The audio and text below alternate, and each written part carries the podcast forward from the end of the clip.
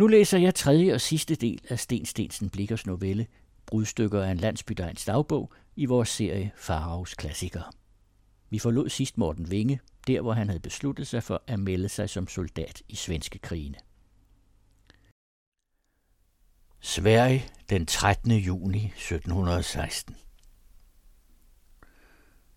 Her sidder jeg, en fangen mand i fremmedland. Så langt har min kåre hjulpet. Min oberst og jeg gjorde lyst mellem fjenderne, men vi var kun to mod ti. Ak, min gamle blis, du må dø. Gid vi havde fulgt det. Stockholm, den 14. august 1717. Således skal det ikke blive ret længe.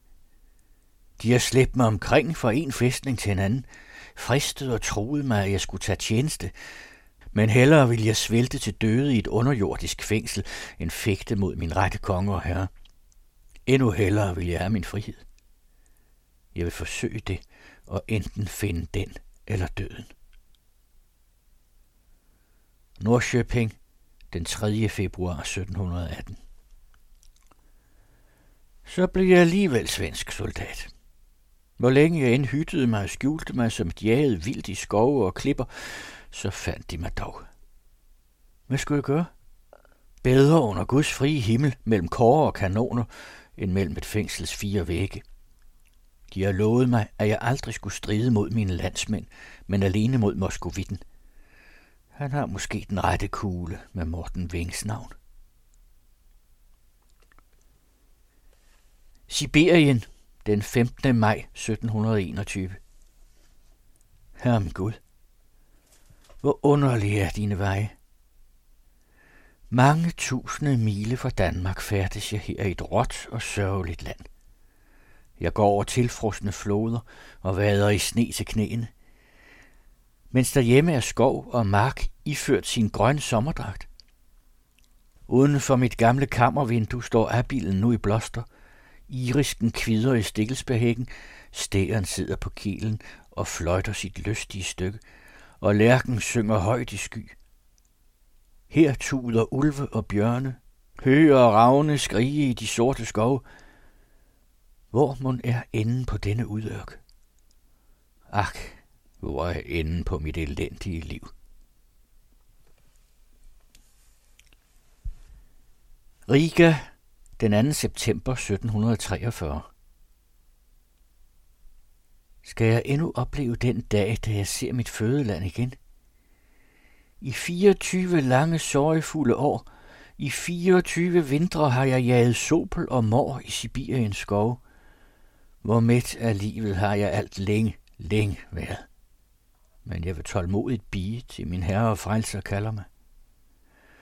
Han vil måske lægge mine trætte lemmer til hvile i min fædrene jord.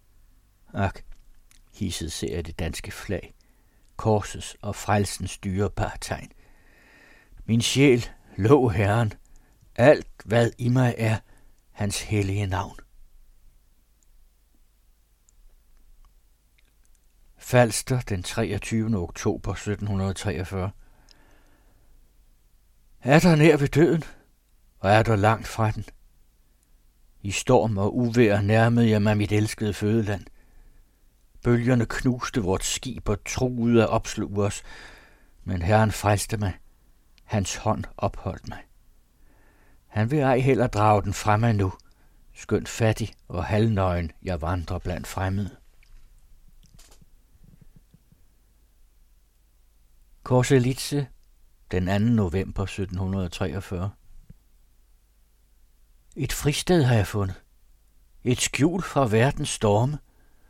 En from og ædel herre, som har taget mig i sit brød og lovet at sørge for mig til min dødedag.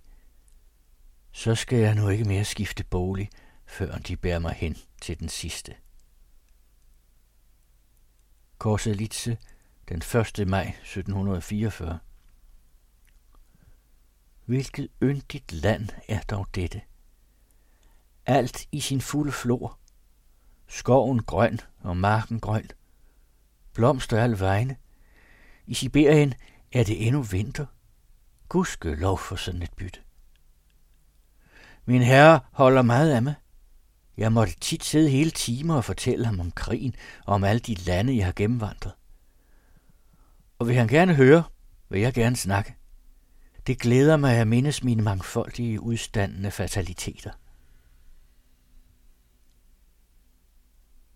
Korselitze, den 2. juli 1744.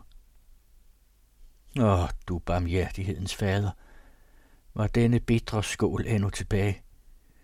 Skulle de gamle sår oprives på ny? Ja, til det var da således behageligt. Jeg har set hende. Hende? Ach nej, ikke hende. En falden engel har jeg set. En mørkhedens gestalt. Tit har jeg ønsket mig døden, men nu, nu ækles jeg ved livet. Jeg kan ikke skrive mere. Korselitse den 8. august 1744. Det er ikke for min placer, at jeg er der tager pinden. Men der som nogen efter min død skulle få øje på denne journal, skal han dog se, hvor Lunde synden lønner sine børn. Jeg gik hin bedrøvelig i dag og forlystede mig med en promenade i vores smukke have.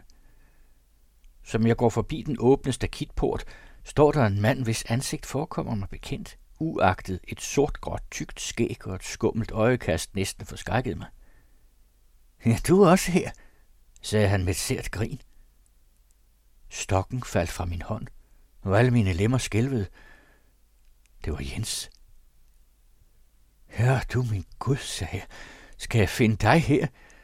Hvor er frøken Sofie? Han stødte en høj id ud. Frøkenskabet har sat han til, og frueskabet med. Men vil du se min hjerteelskede kone, så ligger hun derhen og lurer. Sofie, skreg han. Her er en gammel bekendter. Der vendte hun sig halvt om. Hun lå på knæerne tre skridt fremme. Så et øjeblik på mig og gav sig derpå igen til at luge. Jeg fornam ikke den mindste bevægelse i hendes ansigt. Dette ansigt. Dette fordum så dejlige ansigt. Hvor var det forandret? Bleggult, rynket, fortrædens så det ud, som om det aldrig nogensinde havde smilet. En hullet kyse med lange laser og sorte kniblinger gjorde det endnu mørkere. Skidende pjalter af klæder, som engang havde været smukke og fine, hang om hendes tykke, ilddannede krop. Jeg følte, at jeg var nær ved at få ondt, og ingen tårer kom i mine øjne.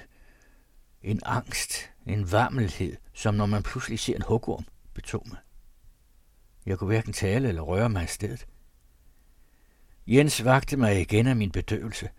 Ja, nu er hun nok ikke så smuk, råbte han, som den gang hun krøb i sengen til dig. Jeg gyste. Forgyldningen er slidt af, blev han ved.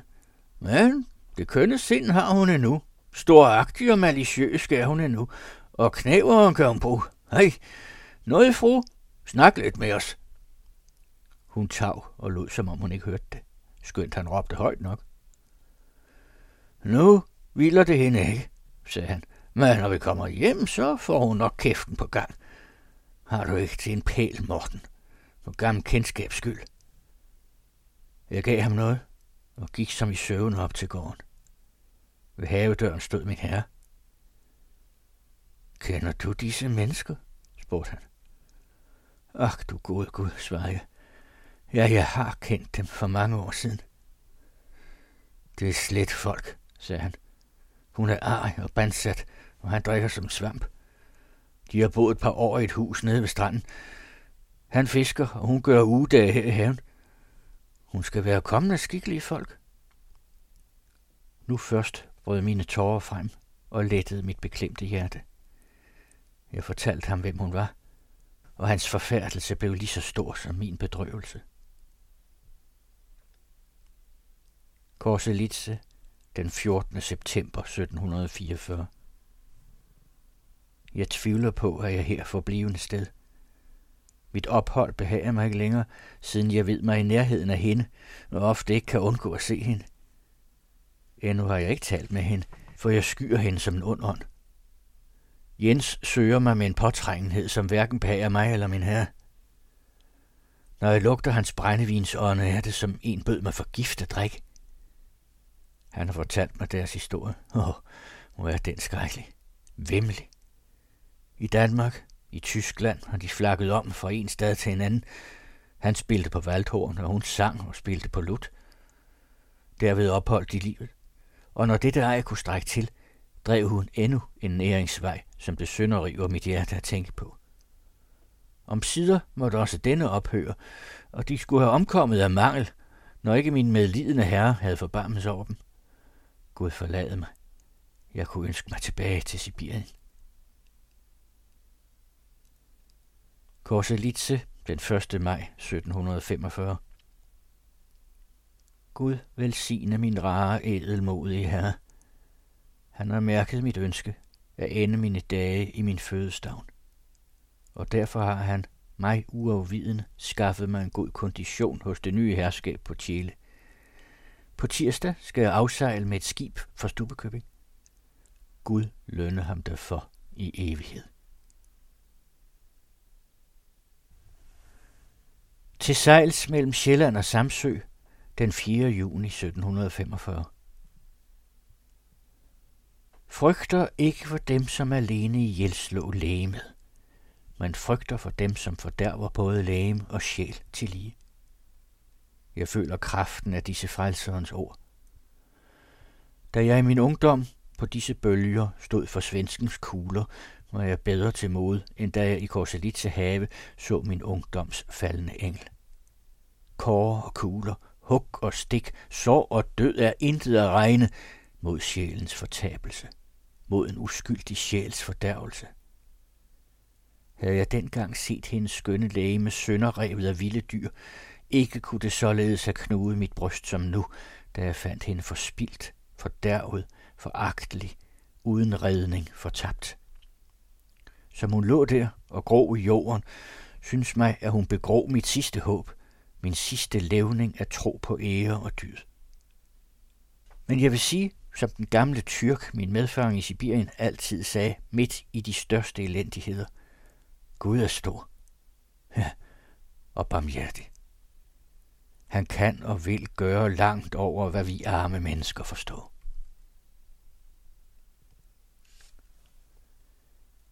Chile, den 4. juli 1745. Om sider er der indløben i min sidste vinterhavn. Flere end 30 år er jeg omtumlet på verdens vilde hav, for at ende, hvor jeg begyndte. Hvad har jeg udrettet? Hvad har jeg vundet? En grav. Et hvilested hos mine forfædre. Det er noget, og der er ikke så lidet. Jeg har venner og bekendtere her, både over og under jorden. Der står endnu bilen uden for mit vindue. Den er også blevet ældre. Der er kræft i den stamme. Stormen har bøjet dens hoved, og på dens grene gror mosset ligesom grå hår på en oldings hoved. Ved kirkevejen ser jeg den store ask, under hvis råd jeg begrå den stakkels valiant. Således genkender jeg mangt et træ, mange en lynggrået høj, og selv de døde sten, der står her uforanderlige i årtusinder, og ser en slægt efter en anden opvokse og forgå. Den slægt, jeg kendte, er nu også borte. Nyt herskab, nye tjenere. Jeg er en fremmed, en udlænding blandt dem alle. Chile, den 2. september 1749. I dag er det 56. 20 år siden jeg så verdens lys. Herre Gud, hvor er disse år blevet af? Disse mange tusinde dage? Hvor er min ungdoms glæder? De er hos min ungdoms venner. På denne årsens tid var det, vi ret nøde jagtens fornøjelse. Hvor lystigt gik det dertil, når vi om morgenen drog ud. Jægerne råbte, og hundene gøede, og hestene trampede lige så utålmodige som vi selv. Snart hjemsøgte vi urfuglene på heden, snart de vilde dyr i skoven. Med spil og sange får vi hen og hjem. Nu er stille som et kloster. Den nåede herre bryder sig ikke om jagten. Tavs og ene går skytten ud, og stille kommer han tilbage. Denne slægt er travrig som jeg selv. Chile den 12. januar 1751. En stille, herlig vinternat. Alt hvad jeg ser, blåt eller hvidt. Månen har jaget stjernerne fra sig. Den ville lyse alene. Så dejligt skinnede den også en gang for mange, mange år siden, da jeg var kusk for frøken Sofie. Min unge sjæl strålede lige så blankt og lystligt som månen, og hendes var også ren, uplettet som den nyfaldende sne.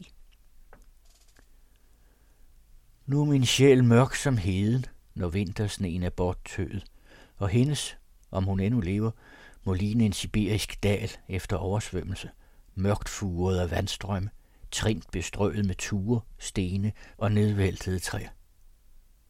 Ja, herre, herre, tugter du nogen med mig en straf for misgerning, der gør du, at dens ynkelige skikkelse hensmelter som et møl. Visselig, alle mennesker er forfængelighed. Fålum, den 12. maj 1753 I søndags forrettede jeg første gang mit embede som degn i tjele og vinge. Da noget i herre kaldte mig på sin dødsseng. Her bor jeg nu i min fars hus, men jeg bor her alene. Alle mine ungdomsvenner er for længst gangne til hvile. Jeg er endnu tilbage som et skaldet træ på heden, men om tid skal jeg samles til dem og være den sidste af min slægt. Disse blade skulle være det eneste mærke om mig. Om nogen, en gang når jeg er død og borte, læser den, der skal han sukke og sige, Anlangenes et menneske, hans dage er som græs. Som et blomster på marken, så skal han blomstre. Når vejret farer over det, der er det ikke mere, og det sted kender det ikke mere. Men Herrens miskundhed er for evighed og indtil evighed. Mit navn er Carsten Farov, og jeg har læst sidste del af Brudstykker af en landsbydegns dagbog af Blikker. Og jeg fortsætter lidt med Blikker i næste uge her i serien Farovs Klassikere.